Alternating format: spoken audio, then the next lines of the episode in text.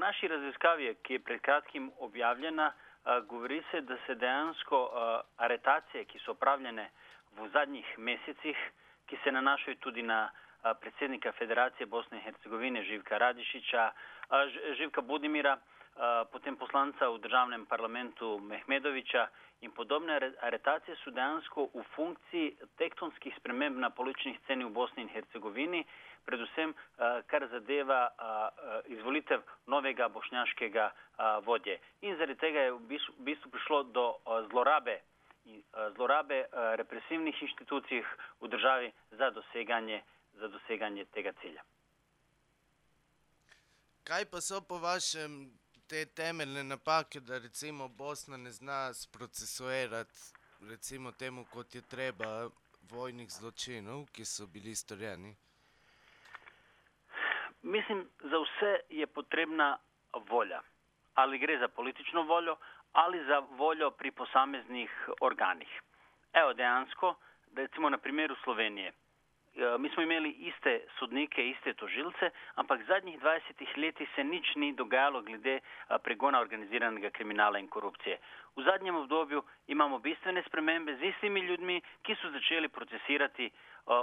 storilce uh, določenih kriminalnih dejanj ali koruptivnih dejanj. Tako da dejansko vse odvisno od volje. Podobno je bilo tudi na Hrvaškem, dokler niso začeli s procesom desanitarizacije države. Zdaj nekaj podobnega se dogaja v Srbiji, kjer so aretirali najbogatejšega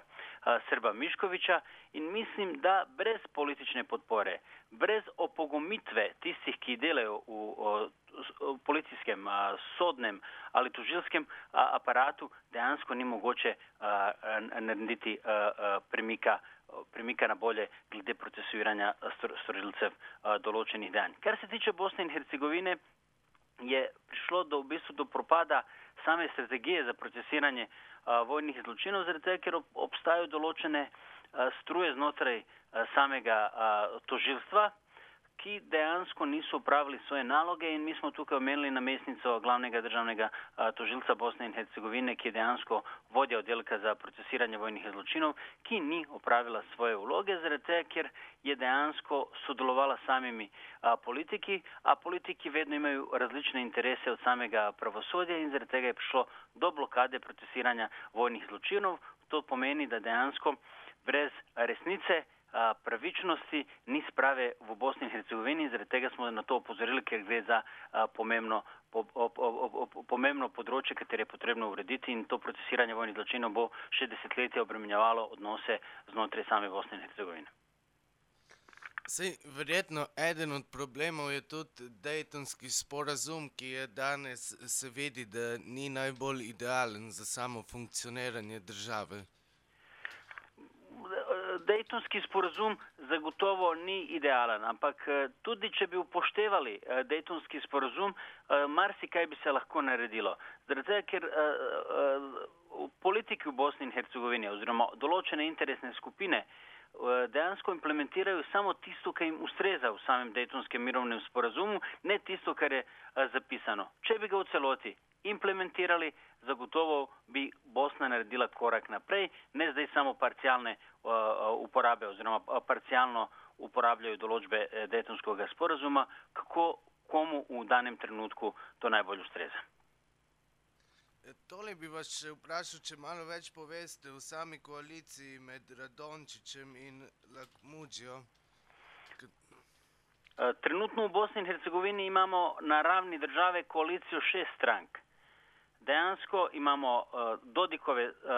zvezo neodvisnih socialdemokratov in Srpsko demokratsko stranko, uh, potem uh, Hrvaške dve stranke HDZ-a in HDZ-a 1990 in uh, še dve druge stranke, to je Socialdemokratska partija SDP in Zveza za boljšo prihodnost uh, Fahrudina Radončiča, ki je dejansko zdaj minister za varnost Bosne in Hercegovine. Gre za v bistvu zelo nenavadno koalicijo, ki je dejansko obremenjena hipotekami samih politikov, ki, so, ki jih dejansko represivni aparat ni procesuiral, čeprav so bili določeni postopki sproženi, ampak so naredili določen politični dogovor in na koncu, se, na koncu je prišlo do ustavitve določenih procesov in zoper Alagumži in zoper Radončiča, kar dejansko predstavlja zlorabo spet pravosodnega in policijskega aparata. Tudi sam Radončič ima hipoteko, težko hipoteko povezave s kriminalnimi strukturami na Balkanu, predvsem s Kelmendijem, ki, ga, ki je v bistvu aretiran v Prištini, pa še nekaterimi drugi in tudi sam izvor njegovega premoženja ni jasen, ker ustanovijo medijski, medijski imperij, ki ga dejansko v najboljši meri zlorablja za doseganje svojih političnih ciljev in za obračun neistomišljeniki oziroma tisti, ki mu, ki mu stanejo ki mu stanejo na pot, tudi sami mednarodni inštitut IFIMES sodi med tiste.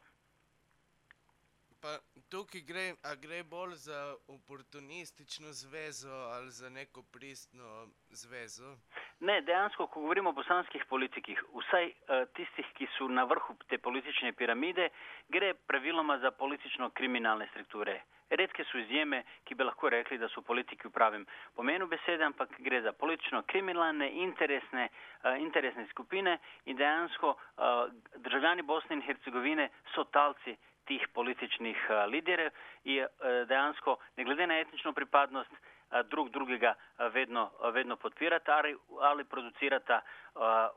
umetno, umetno krizo, da bi v bistvu pravičili svoje vloge, predvsem zaščito določenih etničnih skupnosti, ker dejansko oni samo ščitijo uh, sami sebe. A, a, a, a,